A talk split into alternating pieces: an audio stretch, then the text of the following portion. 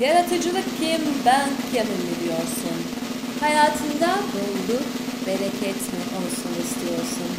Bütün cevaplar Julia Cameron'ın yazdığı, bende eski versiyonu olan şu anda Sanatçının Yolu ismiyle satışta olan kitapta.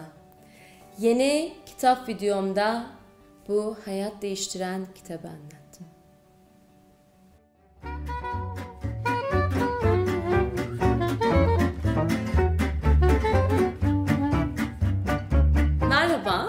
Bir kitap videosuyla karşınızdayım. Bu videodaki kitabımız bendeki eski bir versiyon olduğu için içinizdeki yaratıcıyı keşfedin başlıklı. Ama şu anki baskısı sanatçının yolu olan kitabı tanıtacağım sizlere.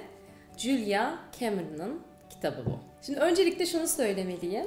Bu insanın hayatını değiştiren bir kitap. Eğer kitabı salt okumakla kalmazsanız kitabın 12 haftalık programını oturup yaparsanız. Hayatınız nasıl mı değişiyor? Hayatınız baya böyle üretken, yarattığınız ve haliyle de o yarattığınızın hem maddi hem de manevi karşılığını aldığınız bir dünyaya geçiş yapmak istiyorsanız bu yeni bir dünyaya aslında size geçiş yaptıran bir kitap. Bu kitabı okuduktan sonra benim hayatımda neler değişti derseniz yani bir kere biliyorsunuz bir kitap yazdım. O kitabı yayınladım. Aynı zamanda çok çeşitli kanallarda bayağı bir içerik üretiyorum. Ve eskiden olduğu kadar da o içerikleri ay şöyle mi olsun, ay böyle mi olsun diye düşünmüyorsam ve ürettiğim içerikleri de o içeriklerden yararlanacak, faydalanacak kitleye göre üretiyorsam, o içerikleri eleştirecek,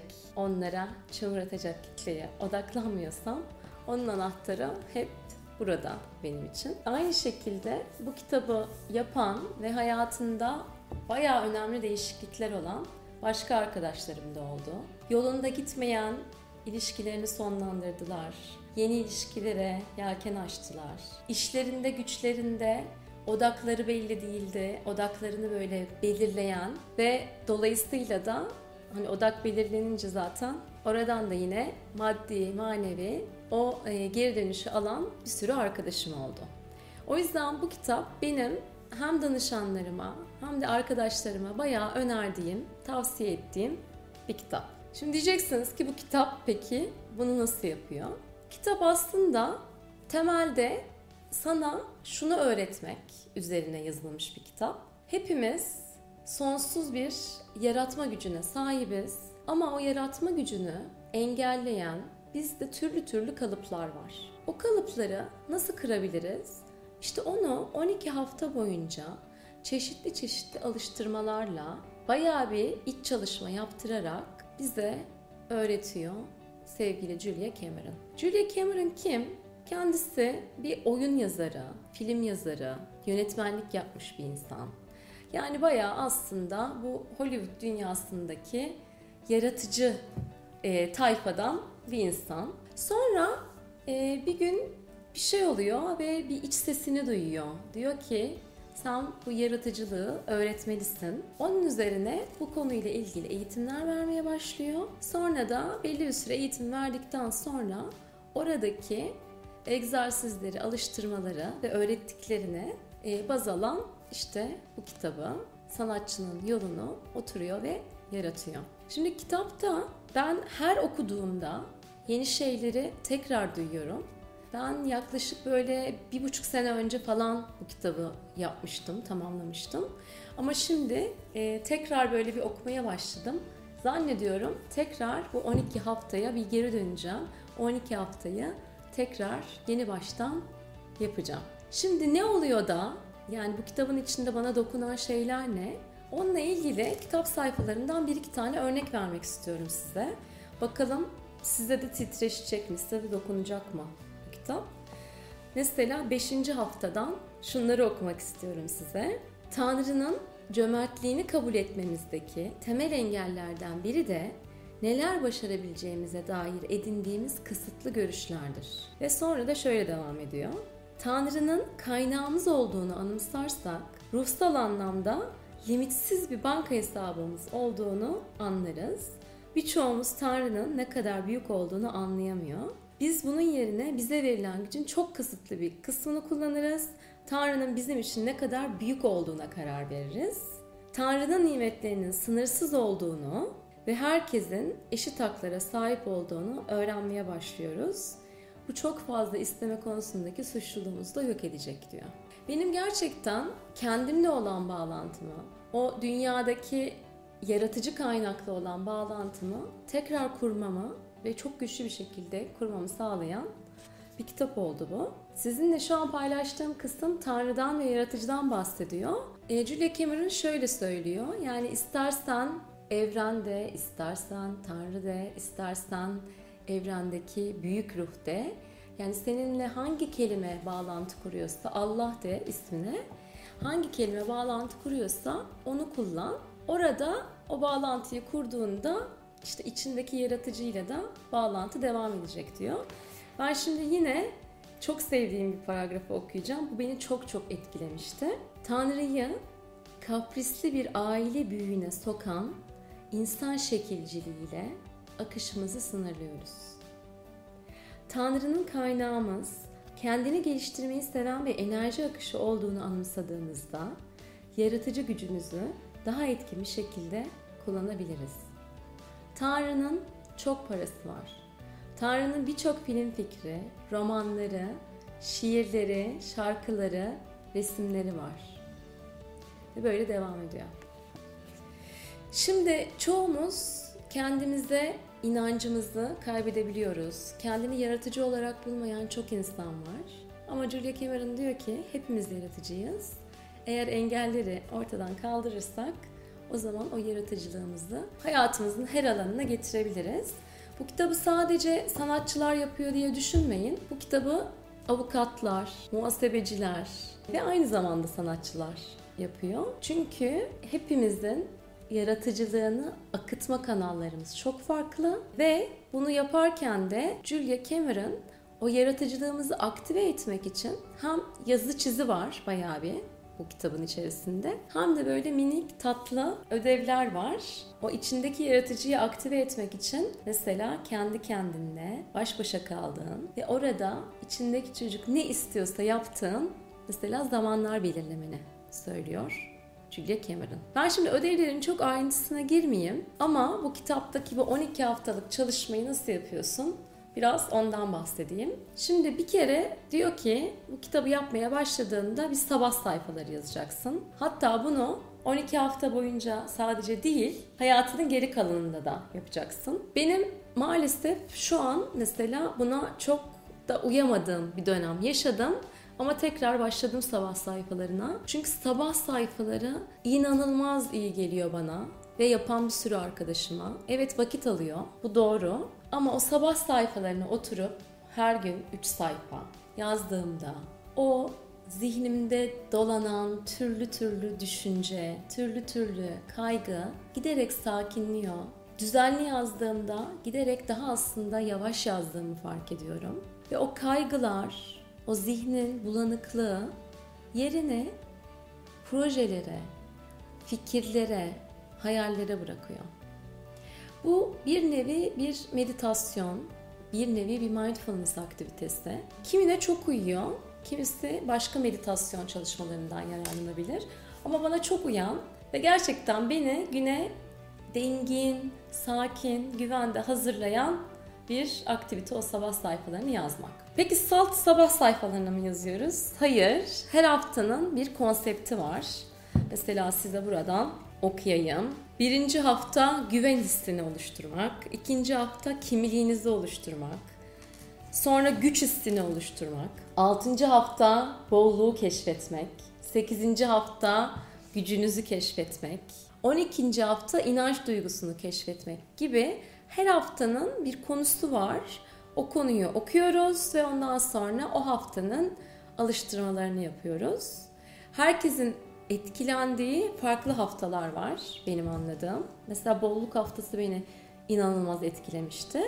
Öte yandan hani bunu böyle sırayla yaptığınızda e, giderek hem kendinize güvenmeyi hem de İster ismine Allah deyin, ister evren deyin, yaratıcı deyin, isterseniz dünyanın kendisi, insanlar deyin. Bütün o sizi saran her neyse soyut ya da somut onunla bağlantıda olmayı, güven dolu hissetmeyi, şöyle bir ayaklarınızın yere sağlam basmasını aslında deneyimliyorsunuz. Şimdi size okumak istediğim bir iki kısım daha var. Diyor ki sabah sayfaları. Sabah sayfaları size ruh halinizin hiç önemli olmadığını öğretecek. En yaratıcı işlerinizden bazılarını her yaptığınız şeyin tam anlamıyla berbat olduğunu hissettiğiniz zaman yapacaksınız. İlginç değil mi? Sabah sayfaları size yargılamayı bırakıp sadece yazmayı öğretecek. Şimdi burası beni bayağı etkileyen kısımlardan biri. Çünkü biz içinde bulunduğumuz hayat koşullarını ya da ruh halimizi falan yargılamaktan ve değerlendirmekten ay burada bana şu mu oluyor, o mu oluyor, şu an ne hissediyorum falan gibi analize kendimizi kaptırdığımızda burada şeyden bahsetmiyorum hani duygularını dinlemekten bahsetmiyorum yanlış anlaşılmasın. Burada kendimizi ve çevreyi sürekli bir analist haline girebiliyoruz ya hepimiz. Ondan bahsediyorum. O olaydan bırakıp ne yaratabilirime odaklanmayı öğrettiğini söylüyor aslında sabah sayfasının. Devam ediyorum. İnsanlar neden sabah sayfalarını yazıyoruz diye sorduklarında espriyle öteki tarafa geçmek için diyorum. Şaka yaptığımı düşünüyorlar ama yapmıyorum. Sabah sayfaları bizi öteki tarafa geçiriyor. Korkumuzun, olumsuzluğumuzun, kötü ruh halimizin ötesine. Benim burayla bağlantı olarak okumak istediğim başka bir cümle de şurası. Kaybettiğimde neden ben yerine şimdi ne yapmalıyım sorusunu sormayı öğrendim diyor.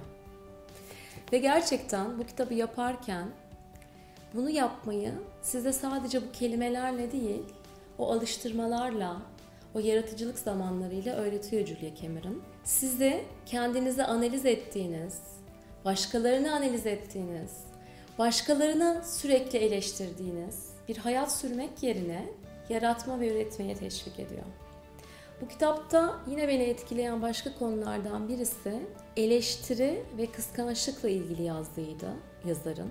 Ve orada şundan bahsediyor. Eleştirmenler içlerindeki o yaratıcı parçayla bağlantıyı kaybetmiş, tıkanmış yaratıcılardır diyor. Şimdi bunu sadece bir eleştirmenlik olarak algılamayın. Biz de Instagram'da birisine baktığımızda, YouTube'da birisinin videosunu seyrettiğimizde eğer içimizden sürekli o insanı eleştirmekle ilgili dürtüler duyuyorsak ve o eleştiriler negatifse o zaman orada içimizdeki yaratıcı parçanın neye ihtiyacı var diye sormayı öğrendim ben. Yine kıskançlık içinde yani kıskançlık bizim bir şeyler üretmeye dair hissettiğimiz bir duygu. Çoğumuz bu arada o kıskançlık duygusuyla çok barışık da değiliz. O geldiğinde onu bastırıyoruz. Halbuki o kıskançlık duygusuna bir bakabilsek orada üretmeye ve yaratıcılığa olan e, açlığımızı görebiliriz. Ve son olarak da şundan bahsedeceğim. Bu kitap aslında biliyorsunuz ben hem kendi kitabımda bayağı bir içimdeki çocukla ilgili kısımlar var. Hem Lucia Capoccioni'nin kitabını da bayağı bir söylüyorum içinizdeki çocukla çalışmak için. Bu kitap bir içinizdeki çocukla çalışma kitabı değil. Öte yandan burada içindeki aslında yaratıcı parçanın çocuk olduğuyla o gerçekle seni yüzleştiriyor Julia Cameron. Ve diyor ki yaratmak istiyorsan o içindeki çocukla bağlantıya geçeceksin. Onu güvende hissettireceksin, neşe dolu hissettireceksin. O bir coşacak ki sen yaratabileceksin.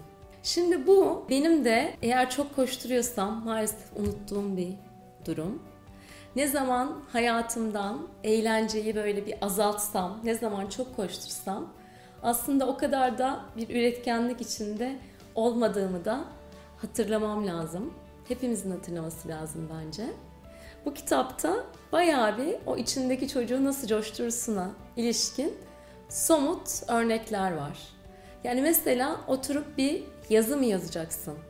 O yazıyı bir kağıt kalem alarak, renkli kalemlerle yavaş yavaş ağır ağır böyle keyfini çıkararak yapmak var.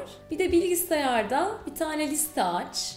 Acaba şu sırayla mı yapayım, bu sırayla mı yapayım diye kuru kuru yapmak var. İşte içindeki çocuk eylemlediğinde zaten sıkıldığı için o işleri yapmayı da sürekli erteleyebiliyorsun. Ya da başına oturuyorsun ama oradan böyle kuru seni de çok da tatmin etmeyen bir iş çıkabiliyor. O yüzden çalışırken de sürekli o içindeki çocuğun yaratıcılığını aktive eden eylemleri hayatına nasıl katacağını da yine bu kitaptan öğrenebiliyorsun.